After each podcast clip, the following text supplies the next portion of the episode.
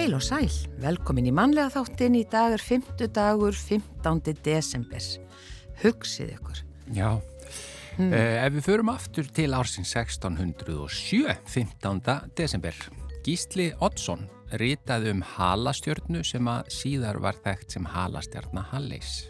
Já, 1888 eh, var glímufélagið Ármann stopnað. Já. Þarna vorum við bara í rólihittum í desember. Er, er það í róleitum? Já, stopna bara félag. Já, stíði spórin og allt það. Já, já, það, það, það hefur verið glímt víða og Já. komin tími á félag. Mér finnst allt og lítið sínt af glímu. Já, þú En meinar, maður hugsa um það, já.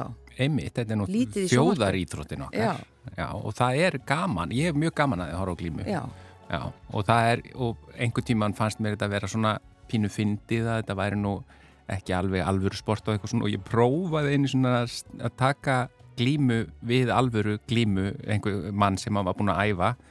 Ég átti ekki sjens Nei. ég að standa einu sinni í nokkra sekundur já, þetta er nefnilega bara svolítið erfitt. Já, þetta var náttúrulega frækt að Jóhannes að Borg, hann ferðaðist um bandaríkin hérna og, og, og bauð hverjum sem vildi að koma hvort hann geti staðið á mótónum, hvort það var í tvær mínútur eða eitthvað sliðis og ég held bara á öllum ferlinum þar sem hann ferðaðist um öll bandaríkin og í, með hérna, fjörleikahúsi og ég held að það hef aldrei neitt náð að standa gegn honum í meir en tvær mínútur eða hvað það var. Einmitt. Alveg sama hvað íþróttagreinar eða, eða bardagagreinar sá hafi stundað áður sko. Já, og núna eru bæði kyni sem keppa Já, já, já, eh. Í, í glímu. Mjög gaman að horfa á þetta. Já, að þetta, ég segi samt mögulega búningarnir eru, Já, partur af þessu. ég veit Það það. getur að breyta Jú, þeir þessu. eru, þeir eru flottir. Já, Já, þeir eru mjög flottir. Fjórðumsjúkrahús á Akureyri var tekið í notkun 1953 og sama ár og sama dag var gangsett þverárvirkjun. Já. Eh, Davíð Skeving Torstensson kefti bjór í fríhöfninni á þessum degi árið 1979 við komum til landsins eh, en var meinað að hafa hann með sér. Þetta leiti til rimkunar á reglum um kaup á bjór í fríhöfninni. Já, þetta var aldeilis e, af, afdrifaríkt. Nú, uh, svo voru það Kanadamennir Chris Haney og Scott Abbott, þeir fundu upp spurningaspilið Trivial Pursuit 1979 Já. sem alveg fór sigurför um heiminn. Já, já, komu margar útgáfur út af því. Eh, Innleðing Evrunar sem almenns gjaldmiðils var ákveðin á fundi í Madrid á þessum degi árið 1995. Og 2001 var skakkiturnin í Písa opnaður almenningi eftir 11 ára viðgerðis. Bobby Fischer fekk landvistaleifi á Íslandi á þessum degi árið 2004.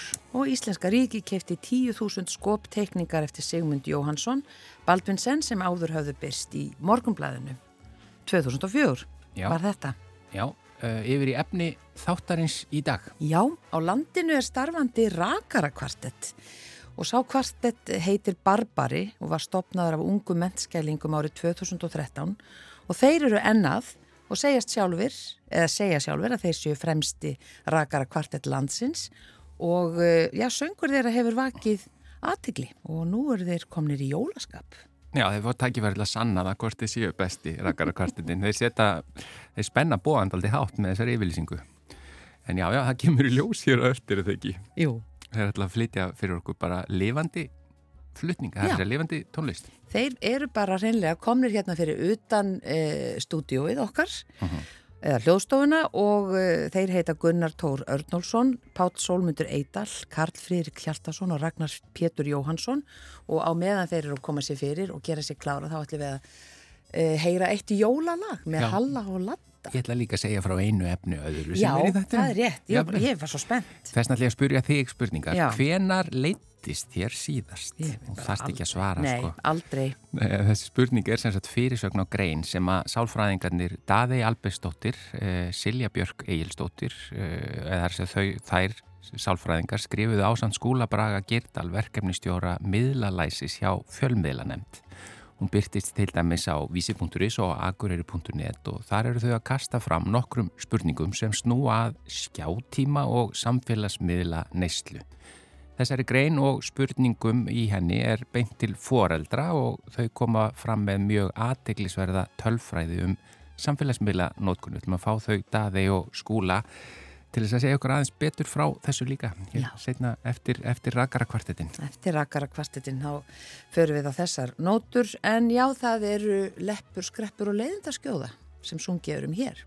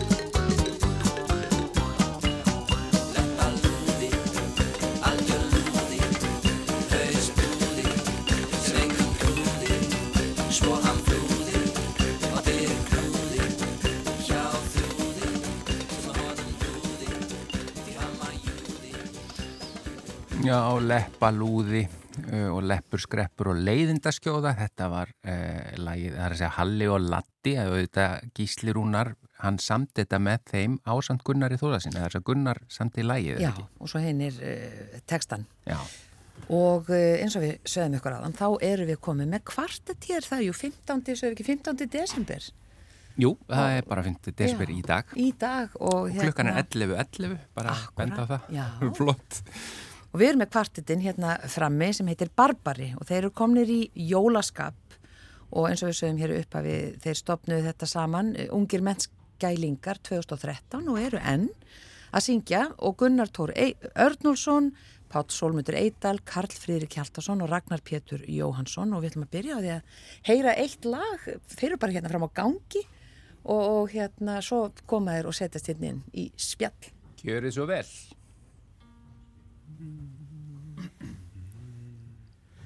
It's beginning to look a lot like Christmas. Everywhere, everywhere, everywhere you go. Take a look, look at the five and ten, glistening once again. With candy canes and silver lanes aglow, aglow. It's beginning to look a lot like Christmas. Toys in every toys in every store. But the prettiest sight to see is the holly that will be on your own the holly on your own front door, your own front door. A pair of hop-along boots and a pistol that shoot is the wish of Barney and Ben. Dolls that will talk and will go for a walk is the hope of Janice and Jen. Mom and Dad can hardly wait for school to start again. It's beginning to look a lot like Christmas. Everywhere, everywhere, everywhere you go. There's a tree in the Grand Hotel, one in the park as well. The sturdy kind that does not mind the snow, mind the snow. It's beginning to look a lot like Christmas. Soon the bells, the, bells will ring. And the thing that will make them ring is the carol that you sing. Right within the carol, right within your heart, within your heart. Glæsilegt. Þetta verðum við bara, við verðum að ítreka það hér að, að þetta er sem sagt í beinni útvendingu. Það sem að þetta var sungið fyrir okkur hér uh, glæsilega og þeir eru komnir hérna búin að vinda sér inn eh, beint til okkar. Já. Það eru þeir Gunnar Tór, Örnólfsson og Páll Solmundur Eidal ekki satt. Það passar. Velkomnir og hvaða rattir syngið þið í kvartetnum? Það er svona allur gangur á því, sko. Það er einn sem er fastur í bassanum Já. og svo erum við hinnir aldrei að rótara. Palli hefur mikið verið að syngja lít og ég syng svona aðalega baritón Já. en svo bara göngum við í þau hlutverk sem að þarf að ganga í hverju sinni. Gúra, þannig að þetta eh, svona skiptist svolítið á milli. Já. Já, og það vitað allir sem hafa prófað, það er krefjandi að syngja svona a cappella. E, þetta var mjög vel flutt hjá okkur, eru við ekki samanlega það, Gunnar? Jú, Það ég meina að ég var, við vorum að flott. tala um svona daldi digur barkarlega yfirlýsingu, þetta væri eitt fremsti eða jafnvel fremsti rakara kvartetin, en eru margir rakara kvartetar starfandi á Íslandi í dag? Það er góð spurning sko. Svo fremið sem við vitum þá erum við einir en, en Já, við erum allavega, þetta, allavega bestir. Já, allavega bestir. og þetta er kvartettin Barbari ef það fór fram hjá einhverjum hér, hér áðan. Og þið stopnið eh, þennan kvartett í mentaskóla 2013. Jú, það passar. Já, sagt, við, Af uh, hverju? um, við vorum fjórir uppalega, fjórir tenorar um, í Kóru mentaskólan sem Reykjavík og, hérna, og fengum þá hugdættu að taka þátt í söngjafni framhaldsskólana árið 2014. Þannig að á haustmánuðum 2013 var kvartetin stopnaður með það fyrir augum að, að komast í aðalkeppnina og við náðum því takmarki. Tenorarnir fjórir. Tenorarnir fjórir sko. og já, svo höfum við bara haldið áfram svona eins og hálfgerðu saumaklúpur síðan þá Já. Og hvernig er svona, að hverju stefniði? Er það fullkomnun? Já, svona helsta markmið okkar er að komast til Vegas og keppa í alþjóðlu barbershop keppninni. Sko hvað barbershop og eða veist, rakara kvartett, er þetta, veist, það er engin ykkar rakari, eða það? Nei, ég, reynd, sko, ég er ekki alveg einhver- klár á því hvaðan þetta hugtak kemur. Ætla sé ekki svona, svona félagar sem að hengu á rækarastofunum allan daginn og voru að söngla saman og þaðan hafi þetta svona upptök sín. Já, jú, ég held hann nefnilega, ég held þetta sé frábæra rakarastofum í bandaríkjónum og þessi stráhattar og hérna og það allt, við erum ekki með neitt búning sem þið syngið í. Við erum ekki alveg komnir þanga en við erum svona að, að, með einhverja pælingar. við óskum hér með eftir samstagsæðalum fyrir búninga Já, það er, það er bara góð auðlýsing. En haldið áfram að segja okkur frá Vegas og, og þessari keppni sem þið stefnið á að fara á.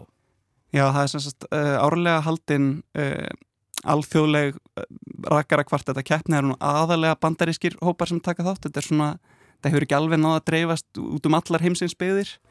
En uh, svíjar hafa reyndar komið mjög sterkir inn í þessa, þessa keppni og unnum er þessa fyrir nokkrum árum síðan uh, sænskur kvartett. Og við höfum svona hugsað okkur það að annarkvort á næsta ári eða þar næsta að taka þátt í norrænu barbershop keppninni sem er haldinn annarkvert ár. Já, og uh, í Svíþjóð og við stefnum á að, að halda þangað svona sem fyrst. já. Þannig að byrja þar og stefna síðan á Las Vegas. það er markmiðið, já Já, Fyrir mig að því að sko Guðrún er náttúrulega söngana, hún, hún veit þetta ábyggilega en sko það að vera með svona rakara kvartett og hvernig það eru útsett lögin, er það á einhvern annan hátt en svona venjulega kórlög eða hva, hvað er svona það sem að eh, einkennir rakara kvartetts lög? Uh, það sem einkennir þau svona helst er að það eru eiginlega bara sjöunda hljómar í þeim fyrir þá sem, sem þekkja hljómfræði. Þetta er allt mjög djassaði hljómar Já, og hljómagangurinn er mjög hraður í lögunum þannig að þetta er mjög svona, það er alltaf að breytast hljómurinn. Þetta er, þetta er aldrei að hanga í sama kannski getur skiluru endalaust og svo þetta er ekki fjögra hljóma útsetningar Mm. heldur er alveg bara bunað 500 ringin og, og skiptum hljóm nánast í hverju nótu þannig að það er alltaf mjög drífandi hljómagangurinn í barbershop og tónlist. auk þess þá er líka sungi í svo kallu svona close harmony af því að við erum allir, allir strákar á svipum aldrei með svipað, svona, svipaðan rattblæ þannig að við höfum kannski ekki beint uh, breyttina sem að hefbundin kór, þú veist, blandaður kór hefur. Þannig að við syngjum allir í svona close harmony og erum svo ofta skiptast á að veist, laglínan oft ferðast á milli hvers og eins. Það er kannski eitt sem byrjar að syngja laglínu og svo fer hún yfir í bassan og baritónin og endar á tenornum og, og það er hver og einn með svona lítil stef í gegnum lagið sem Já. svona sjáuði mig þannig að allir fá smá svona spott eins og sagt er. Já. Og þetta er mjög krefjandi. Þetta er, eh, já, að því bara eins og fólk heyrði, það er engin undirleikur þannig að þið hafið svona bara hvern annan til þess að styðjast við.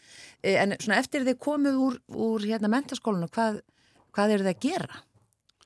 Um, við fórum, já, ég fór í Háskóla Íslands og Gunnar Já, og, og sama hér sko Já, um, við erum bara í alls konar. Um, ég sjálfur fór í Livjafræði og starfa í, í þeim gera um, og hef svo verið í alls konar kórum, bara samhliða þessum söng í Barbara. Já. En er sko, ef þið eru að fara að higgja á svona keppni, eh, er þá sko framkoman líka? Er hún einhvað þar að segja ekki bara að syngja og syngja rosa flott og vel heldur, eru þið með einhvers konar, ég veit ekki, einhverja sérstaka framkomu, er það reyf ykkur í einhverju takti eða með svona eins og kóreografíu?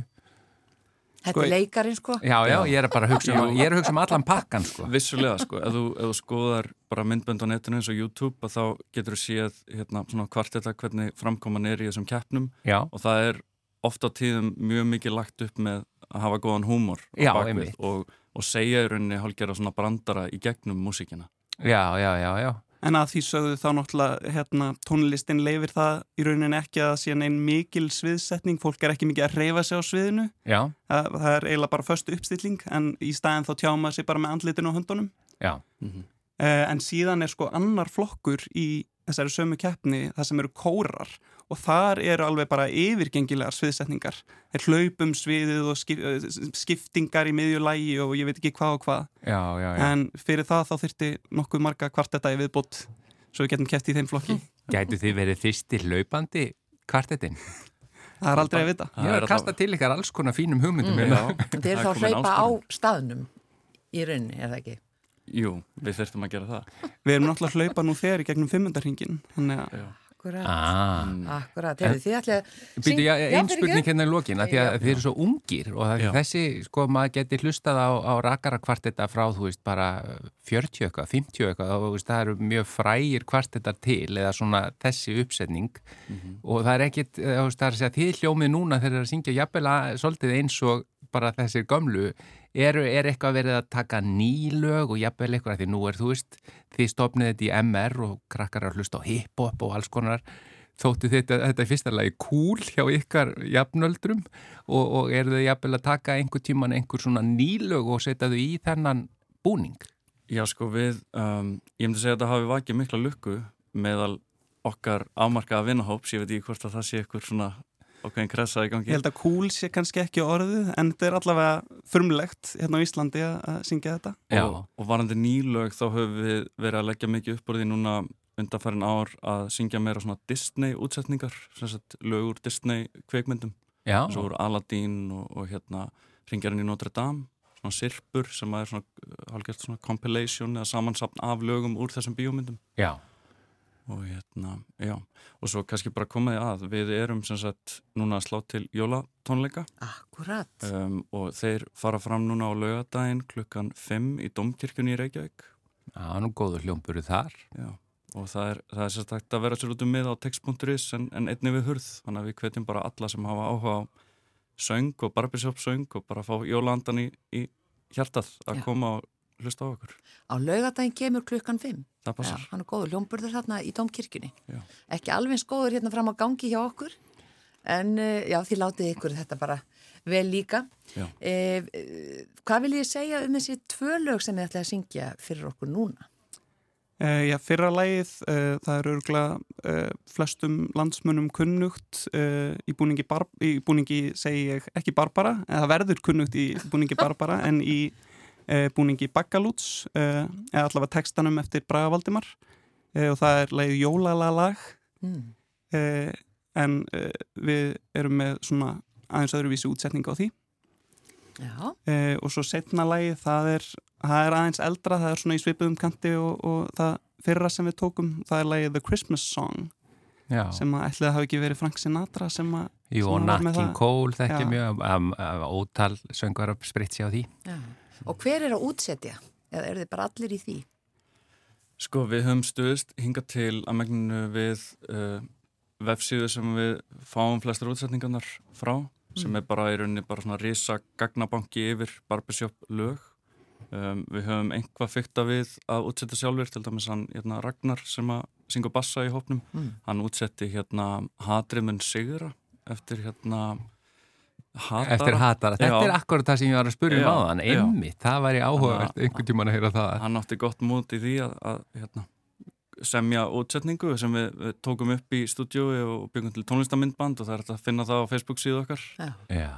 akkurat. Og svona þeir sem hafa gaman af ættfræði, Ragnar er einmitt uh, hérna, Já. sonur hans Jóa, er það ekki? Jóhanns Ásmundssonar Já. í, í messofarti. Akkurat. Já, já, já. já. Þannig, já, Heyrið, en þá bara þakk ykkur innlega fyrir að koma og spjalla við okkur og, og nú ætlaði að syngja fyrir okkur tvö lögu viðbót, þannig að Gunnar Tór og, Páll Sólmundur, þið geti gengið fram til félaga ykkar, því að þetta er allt saman í beinni útsendingu hérna. já. Gjör, takk fyrir spjallið. Takk sem Takk sem liðs. Svo að fólk hérna frammi að fá sér kaffi, þannig að kannski, ég ætti kannski að skreppa fram og beða fólk um að íta ekki á takkan og kaffivílinni rétt á meðan. Já, já. Uh, en þeir byrja, fyrst heyru við Jólalalag. Uh, við segjum bara, gjöru svo vel, drengir.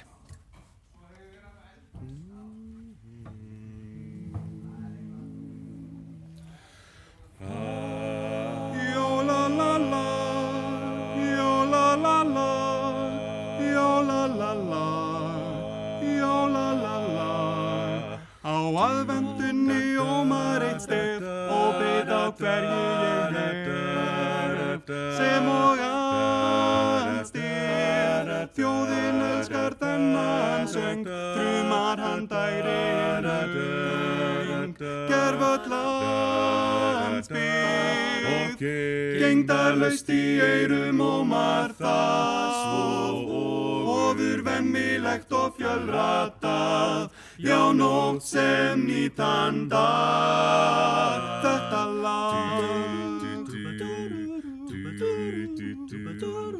Söngur þessi sumum er kær, sá í huga mér fær. Alveg spesrúm, textinn hálgerð hrákasmíðir, hann er um desember. Já og ég og ég sungi, gengdarlaust í eirum og marða, svo yfir gengilega döð hreinsað, já nótt sem nýtan dag,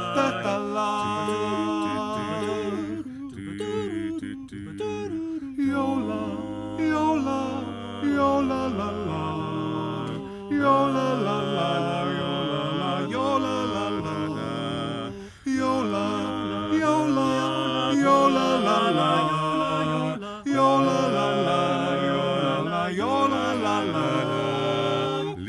Linnulaust í lustum hljómar það Svo hel, helgi slepjulegt og strásigrað Já, nótt sem nýtan dag Þetta lag.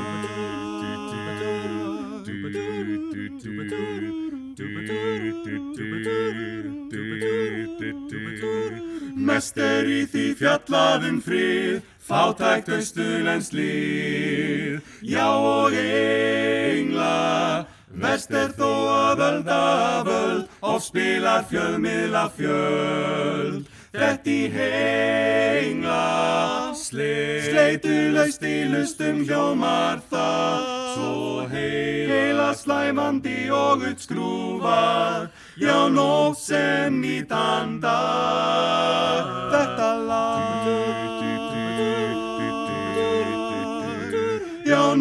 sem nýtan dag Þetta lag. Já, nótt sem nýtan dag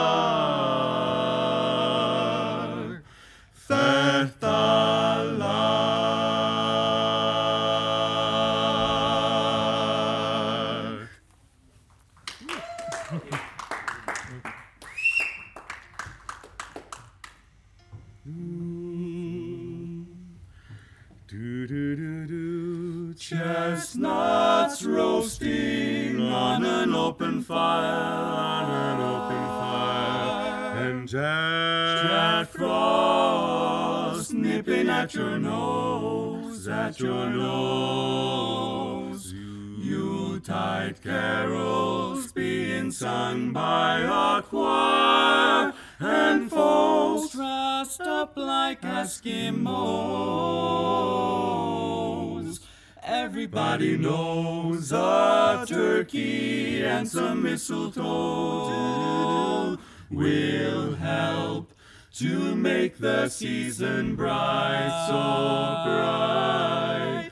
Tiny tots with their eyes all aglow will find it hard to sleep to won't sleep tonight. They know that they know that Santa's on his way. He's loaded lots of nuts and goodies on his sleigh. And every mother's child, child is gonna spy. They will spy to see if reindeer know, to see if reindeer know how to fly. And so I'm offering this simple phrase from 1 to 92. Although it's been said many times, many ways.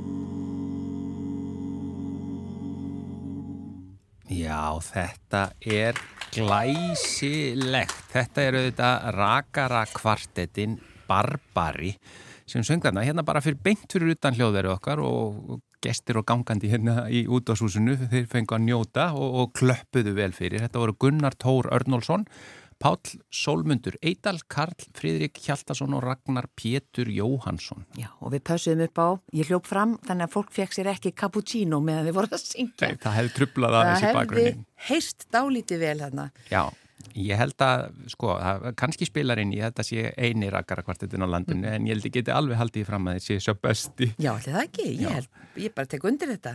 Já. Og þeir, varstu búin að segja frá tónleikonum þeirra? Já, þau sögðu frá, þeir sögðu frá því áðan, eh, einmitt, hann er, hvar er hann, býðu nú við? Í Dómkirkjunni klukkan 5 á lögardaginn. Já, þetta var sérst þetta rakara kvartetin Barbari.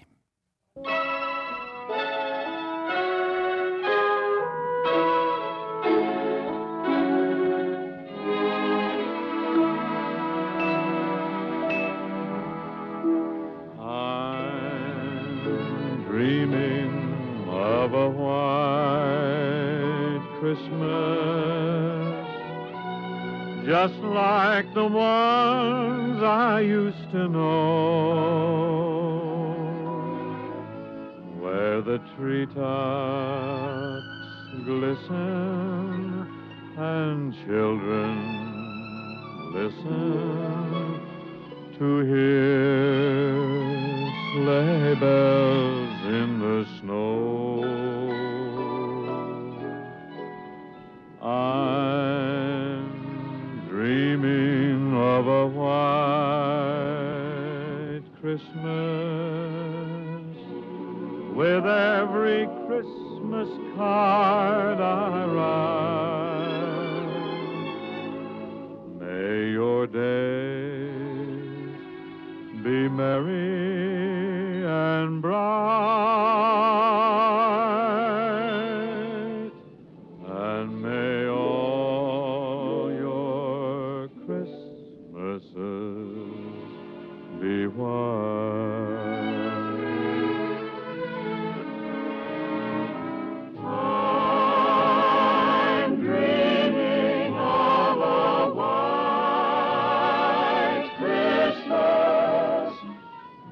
Just like the ones I used to know,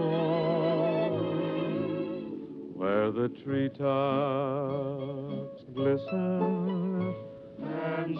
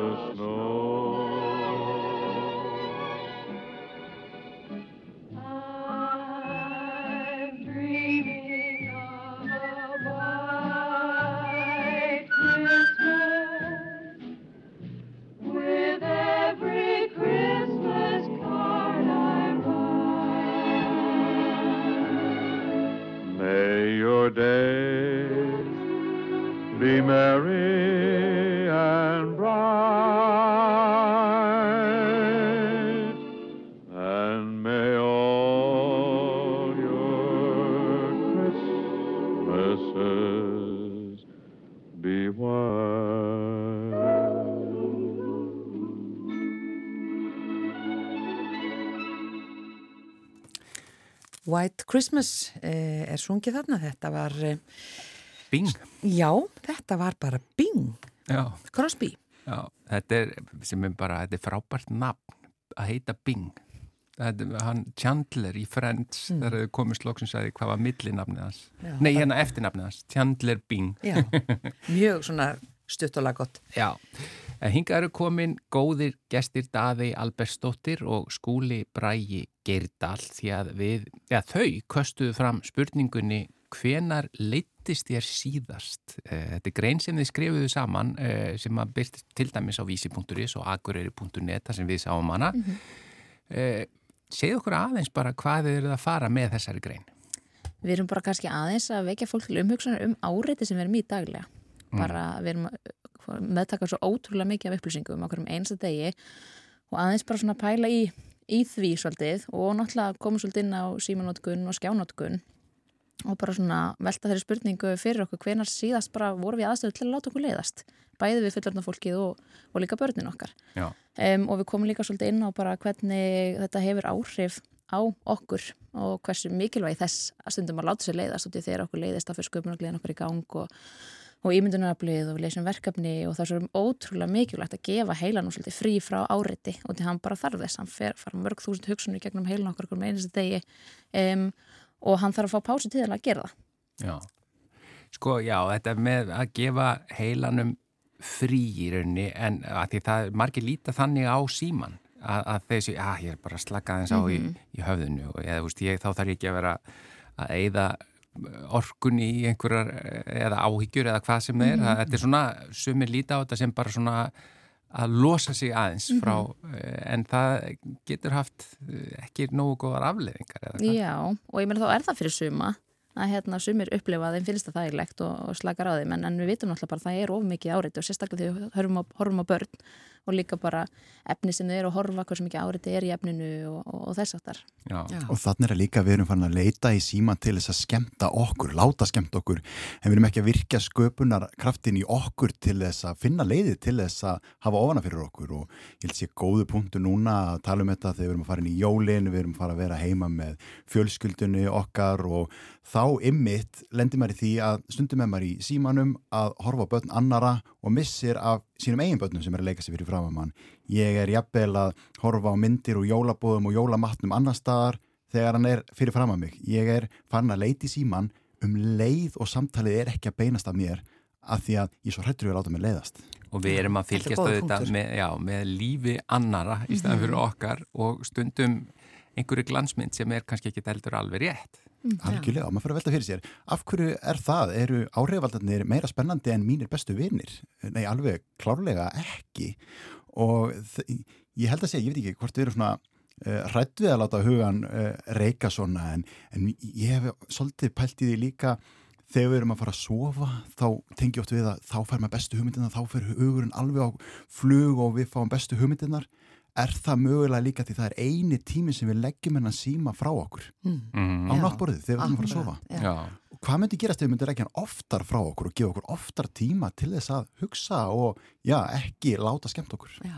Og þarna ke- erum við svolítið að aftengja okkur alltaf. Alveg klálega. Þegar maður grýpur síman þá er þetta aftengjaði algjörlega bara umhverfinu. Já, og við vitum líka einmitt að það er stundum óþægilt að einn með tilfinningunum sínum og sitja með hugsunum sínum en það er bara nöðslegt fyrir okkur að gera það og náttúrulega getum líka tengt inn í þetta bara við sjáum það líka þegar samfélagsmiðlunir koma á, á, á yfirborðið eða þú veist koma fram að þá erum við líka svara að sjá svakalega breytingu á sko seppminstri fólk, fólks og hérna seppvanda, aukni tíðinni seppvanda hjá bæði fullorðnum og, og börnum um, sem við eiginlega getum ekki hægt að segja til um orsakarsambönd en við getum svona svona tengslan á milli. Já, auðvitað, og þetta er svona ákveðin streyta sem fylgir þessu og hvað þá á þessum ástíma. Já. En aðeins kannski að því að það er svo margir skólar sem eru orðin símalausir, Mhm. en ekki allir. Og ég veit að þið hafið skoðun á því.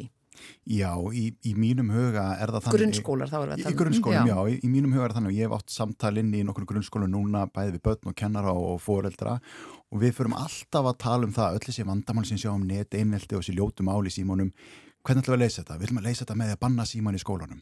Það er algjör einföldun að tala um það sem einhverja lausna á, á vandanum.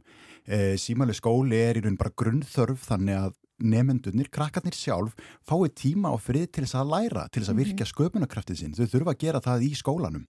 Þannig að þetta er hægt að vera spurningum uh, hvort við ætlum að banna það og heldur hvernig ætlum við að setja þessa takmarkanir á símanótkun inn í skólanum og við þurfum að fara að taka samtali lengra. Hvernig ætlum við að hafa þessa reglur í síman heima hjá okkur? Hvernig ætlum við að gefa okkur frið? Og ekki bara að börnun okkar gefa sér frið, heldur við líka sem erum fullorðin. Af því að þegar ég gef mér frið frá símanum mínum og því að svara vinnu tölupóstunum mínum, þá hef ég líka meiri tíma til þess að sinna börnunum mínum og, og fjölskyldunum minni. Þannig að ég held við ættum að hætta að tala um þetta símabann í skólum, gefum þeim þann nöðsilega frið sem við þurfa þar og förum að tala um símanótkurinn heima fyrir. Því þar verða líka vandamálinn til. Já, þannig Að að það er einhvern veginn að koma böndum á þetta, Já, þetta. því sko þetta svona eh, snjallsímar sem er, er í rauninni bara tölva. Þetta er bara tölva e, í lófanum á okkur og vasanum sem fylgir okkur alltaf og þetta er, ég menn þetta er ekki lengra í rauninni aftur í tíman en kannski til 2007-2008 sem þetta byrjar að koma og þá samt ekki á fullum krafti að því svo koma samfélagsmiðlar og allt það. Þannig að þetta er svo í rauninni ungt fyrirbæri en tekur svo gríðarlega mikið pláss í okkar lífi. Við erum ekki, fyrstalega ekki almennilega búin að læra er það bara á þessa notkunni eða á, á hérna veist, fyrstalega, þú veist, í sambandi við umræðin og allt það, það hérna, og hvernig hún er getur verið grimm og svo leiðis við kunnum það ekki, en bara hreinlega að umgangast miðlana og tækin í okkar lífi og hvaða tekur stórt pláss. Alveg klálega og við gætum í rauninni svolítið síð svona þessa kynsla sem svona, tilruna kynsla eiginlega, bara við sjáum líka afleðingarnar við erum náttúrulega að sjá, við erum að sjá aukningu í, í hversu margir upplega einmannaleika við erum að sjá mikla hérna um, vaksandi vanlíðan meðal ungmenna og, og, hérna, og barna. Um, og auðvitað tengist þetta líka þessu. Já. að, hérna, að það er svo svakalega mikið áreiti og líka bara áreiti hjá okkur fullorðnafólkinu og þannig erum við líka og við margir sem að bara fóreldra átta sig ekki á, við erum búin að gefa þeim aðgengi að öllum heiminum í Já. þessum síma. Já, já. og þarna komum við líka svolítið inn á eins og með YouTube að fólk átta sig ekki á því, þetta er ekki sjómarpstöð þetta er samfélagsmiðl og þarna getur við farið inn á, jafnvel eins og YouTube Kids. Alls konar bara rustlatna inni sem að, þú veist, og margir fólkið bara átta sig ekki á því eru kannski ekki fylgjast með nótkun barnana sinna heldur. Og það er náttúrulega líka ótrúlega mikilvægur partur í þessu. Við verðum náttúrulega að kenna þeim að umgangast þetta. Við verðum að kenna þeim reglurnar en við verðum líka átt okkur á því hvenær eru þau komin á þann stað að þau ráði við þetta. Og þetta er líka talandi um bara hvað vitum við og hvernig er þetta þekking og svona. Rannsóknir sína okkur líka að, um, að þú veist að þegar börn eru bara ung þá eru fóreldrar mikilvægastu mannskjöndar í lífið þeirra og svo fer þetta breytast. Við förum með það að, að, að fara meiri í að hugsa um álit annar og álit hérna, jafningjana og jafningjahópnum og mynda okkar sjálfsmynd og allt þetta.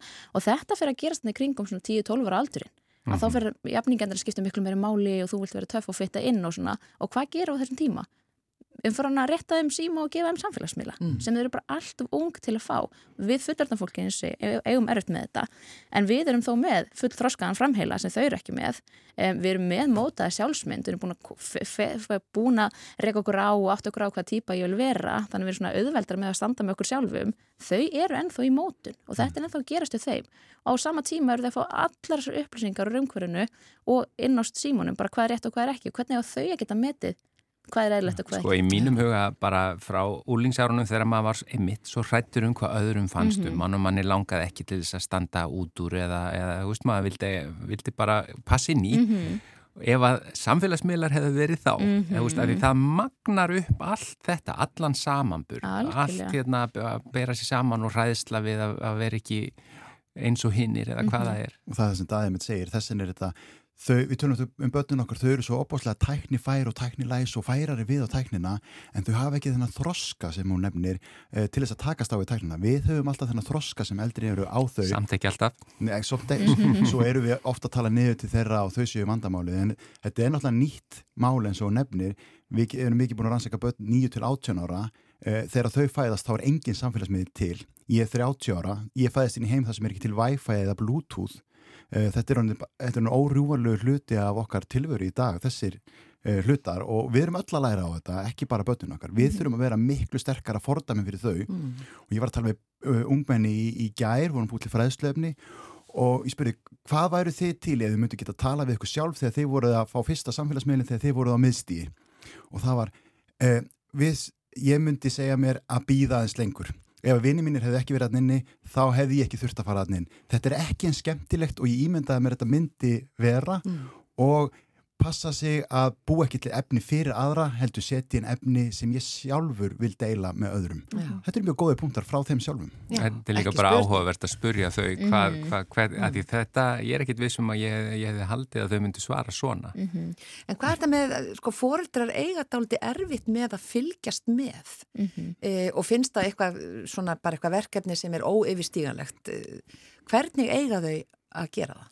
Algjörlega, þau eru náttúrulega bara líka að setjast niður með börnunum og skoða hvað þau er að gera. Og þú veist, og, og náttúrulega eins og ég skjánandukun og skjánandukun er ekki það sama. Og þú getur átt ótrúlega ánægilega samverðustundum í fjölskyldinni yfir skjá í einhverjum uppbyggjulegum leik eða horfa eitthvað gátt sjómasefni eða eitthvað þannig. Eh, en það er náttúrulega allt þetta bara þegar þau eru ein þarna inni og þú hefur ekki yfirsýn og veist ekki hvað er í gangi og þau líka vitum að með samfélagsmiðlunum erum við að gefa öðrum aðgengi að börnunum okkar. Það er svo auðvelt fyrir aðra að hafa, hafa samband við börnunum okkar í gegnum þetta. Mm Um, þannig auðvitað bara náttúrulega það sem besta sem getur við gert sem fóreldri er að vera upplýstur um hvað barnið þitt gerir dagstælega, þekktu vinið þeirra, þekktu fóreldra vinið þeirra og sestu bara niður um barninu og spjallaði við, við það um þetta og sérstaklega börn sem eru ekki komin að neinn, þú veist, bara takið samtalið í fóreldrahópnum, getur við lagt einhverja línur saman, bara heyrðu, við ætlum að standa verðum þetta, við erum öll sammálum að þau fari ekki á samfélagsmiðla fyrir en eftir þennan aldur eða eitthvað álíka, að bara taka spjallið strax. og við þurfum ekkert endilega að ákveða þetta sjálf. Ég þarf ekki að fara að kynna mér þetta. Inn á samfélagsmiðlum er 13 ára aldurstakmark. Sem myndi segja að vera lámark Mhm. samt sjáum við 60% barna 9-12 ára verin á Snapchat og TikTok. Við getum byrjað bara á að fylgja þessu uh, aldurstakmarkum síðan getum við sett upp alls konar varnarveggi það til Google Family Link og Apple Family Sharing þar sem við getum sett smá varnarveggi upp. Við getum sett upp vefsíur þegar við heyrum af skadlegum síum. Hjálpa bönnum okkar að búa til örugt umhverfin á netinu því þetta er orðið umhverfið alveg eins og umferðin úti. Mm, akkurat. Já, Þetta er, Þetta er svo gott magna- til umhugsunar. Já, þetta er líka, ég hugsa að því að tæknin er svo ný og þetta er sem við kunnum, ég menna þá er ég líka að tala um eh, algjörlega okkur fullorna fólki því að við getum ekkert einmitt hérna bara að setja ykkur reglur fyrir börninni því að við erum ekki að fara eftir þeim sjálf. Einmitt. Það er alveg klárt mál. Og við náttúrulega erum algjört fordami fyrir börnin okkar. Já, og þarna sjáum við þetta líka bara hjá bara yngstu börnum, bara börnin sem hafa enga forsendu til að vita hvað sími getur gefið er en þau sækja í þetta. Af hverju? Og því þau sjá okkur sækja í og þetta. Þau sjá börn í okkur dag bara fá skjá fyrir framann andlitið sko bara eh, nánast nýfætt sko. En það er sko, það sem ég ætla að segja er bara að því að þetta tímabil núna er svolítið eins og vilt að vestrið Já. og það sorglega við það er að, að, að því að, að við erum eiginlega svona tilrunadýr í beitni útsendingu, við vitum eiginlega ekkit almennilega hverjar afleðingarnar eru, Nei. þó við séum fara en alveg að sjá alls konar vísbendingar Já. um það. En það er verðum einhvern tíman að stíga niður fætinum þegar ég er farin að sjá fimm ára dóttur mín að byggja mig um síma og hennar vinkonurinn og þegar konurinn á samfélagsmiðla. Einhver stað verðum við að segja stopp, einhver stað verðum við að taka stjórnina. Við getum ekki alltaf til þess að stór fyrirtæki sem er að setja samfélagsmiðlana og reyna að græða þín pening fyrir framann okkur að þau setja þess að varnavekja og reglur. Löggjöfin, hún verður alltaf aðeins eftir á. Við sem samfélag, við verðum að bregðast við. Já, Já. akkurat, það er alveg. Og þetta er nú akkurat hérna tíminn sem við ættum að ég eigða sem mest um tíma saman. Mhm. eh, Já, yfir. Já, Fjölskyldur gerum það saman og yfir- vinir og- Já, gerum það saman yfir, yfir jólamynd ekki láta barni horfa eitt á jólamyndina í iPadinum, horfum saman á myndin og tölum um hvað er eigast í staðarna og samvera með skjám og tækjum hún getur líka verið góð Já, og svo bara setjum við síman í, uh, í eitthvað herbergi og lokum Já. hurðinni kannski Já. í nokkra klukkutíma. Daðei, e, þú ert sálfræðingur hjá Geðhilsu miðstöð barna Já. og, og, og hún Silja Björk sem skrifa með ykkur greinina, hún, hún er það líka. Já. Eh, En þú, skúli, eh, verkefnastjóri miðlalæsi hjá fjölmiðlanemnd, Hva, bara hvað þýðir það? Það er ekki nema vonu spyrjir. Uh, miðlalæsi er eitthvað sem að þjóðnir kringum okkur eru búin að vinna að senustu ár og eru með alls konar verkefni í gangi. Við byrjum á þessu og þetta stöðugildi var til fyrir einu og hálfu ári síðan. Já, Uh, við vinnum rannsóknir á miðlalæsið sem er sem miðlanótkunn okkar, samfélagsmiðlanótkunnin uh, og það er það allur aldur undir, alveg bara frá leikskóla og alveg þangað til, já, uh, alveg upp úr. Þannig að ég sá það þegar ég var farin að skoða þessa samfélagsmiðlanótkunn að það þyrti að bæta við til líka andleiri líðan og þess vegna förum við að, að tala saman við Mhm. og geðhilsumistum barna að þetta tengist allt saman uh, samfélagsmiðlarnir er bara nýr hluti af okkar veruleika og okkur líður vel og okkur líður illa þar inni líka Mhm. þannig að við þurfum að bæta því inn í rannsóknunar okkar og munum gera það núna uh, þessari tengingu við, við andlega líðan Við sjáum líka frá erlendum rannsóknum að börn sem koma fyrir inn á samfélagsmiðla þau eru meiri líkur til að vera með slaka hérna, líkamsýmynd og, og, hérna, og líða verð. Já, já, já. Það Þetta er samanburðurinn. Það, það er þessi samanbyrður Já. akkurat. En við erum bæði, snillega bæta eitthvað sem við, við erum að vinna bæði þessar rannsóknir á miðlanótkun og svo erum við líka að reyna að leiða áfram verkefni e, til að hjálpa skólum, til að hjálpa kennurunum, til að hjálpa okkur fóruldrum, búa til meira fræðslöfni á þessu sviði og í því fælst miðlalæsi, þetta hljóma kannski svo byrjandalæsi og þess vegna erum við fullotnu ekki, ekki til í að taka þetta til okkar en þetta er bara svona gaggrínin skilningur á miðla sem við verðum öll að tilhenga okkur Já. og það kemur með vitindavakningunni. Já, Og þetta eru bæði foreldrar og skóli og allir bara í raunin sem þurfa saman. til Við getum ekki varpa ábyrginu bara á einhvern einn, við Nei. þurfum að axla ábyrg og sérstaklega þurfa fóreldrar að bæta sér þar. Já. Þetta snertir okkur öll. Þetta er svo sannlega mikilvægt. Ég bara er spenntur að lesa meira eða, og fylgjast með rannsóknunum e, því að við bendum á þessa grein hvenar leitist þér síðast. Það er hægt að finna hana inn á vísi.is eða akureyri.net og þakka ykkur innilega fyrir komuna Daðei Albesdóttir, sálfræðingur hjá Geðhilsu miðstöð og skúli Bragi Geirdal verkefnastjóri miðlalæsis hjá fjölmiðla nefnd. Takk hérlega fyrir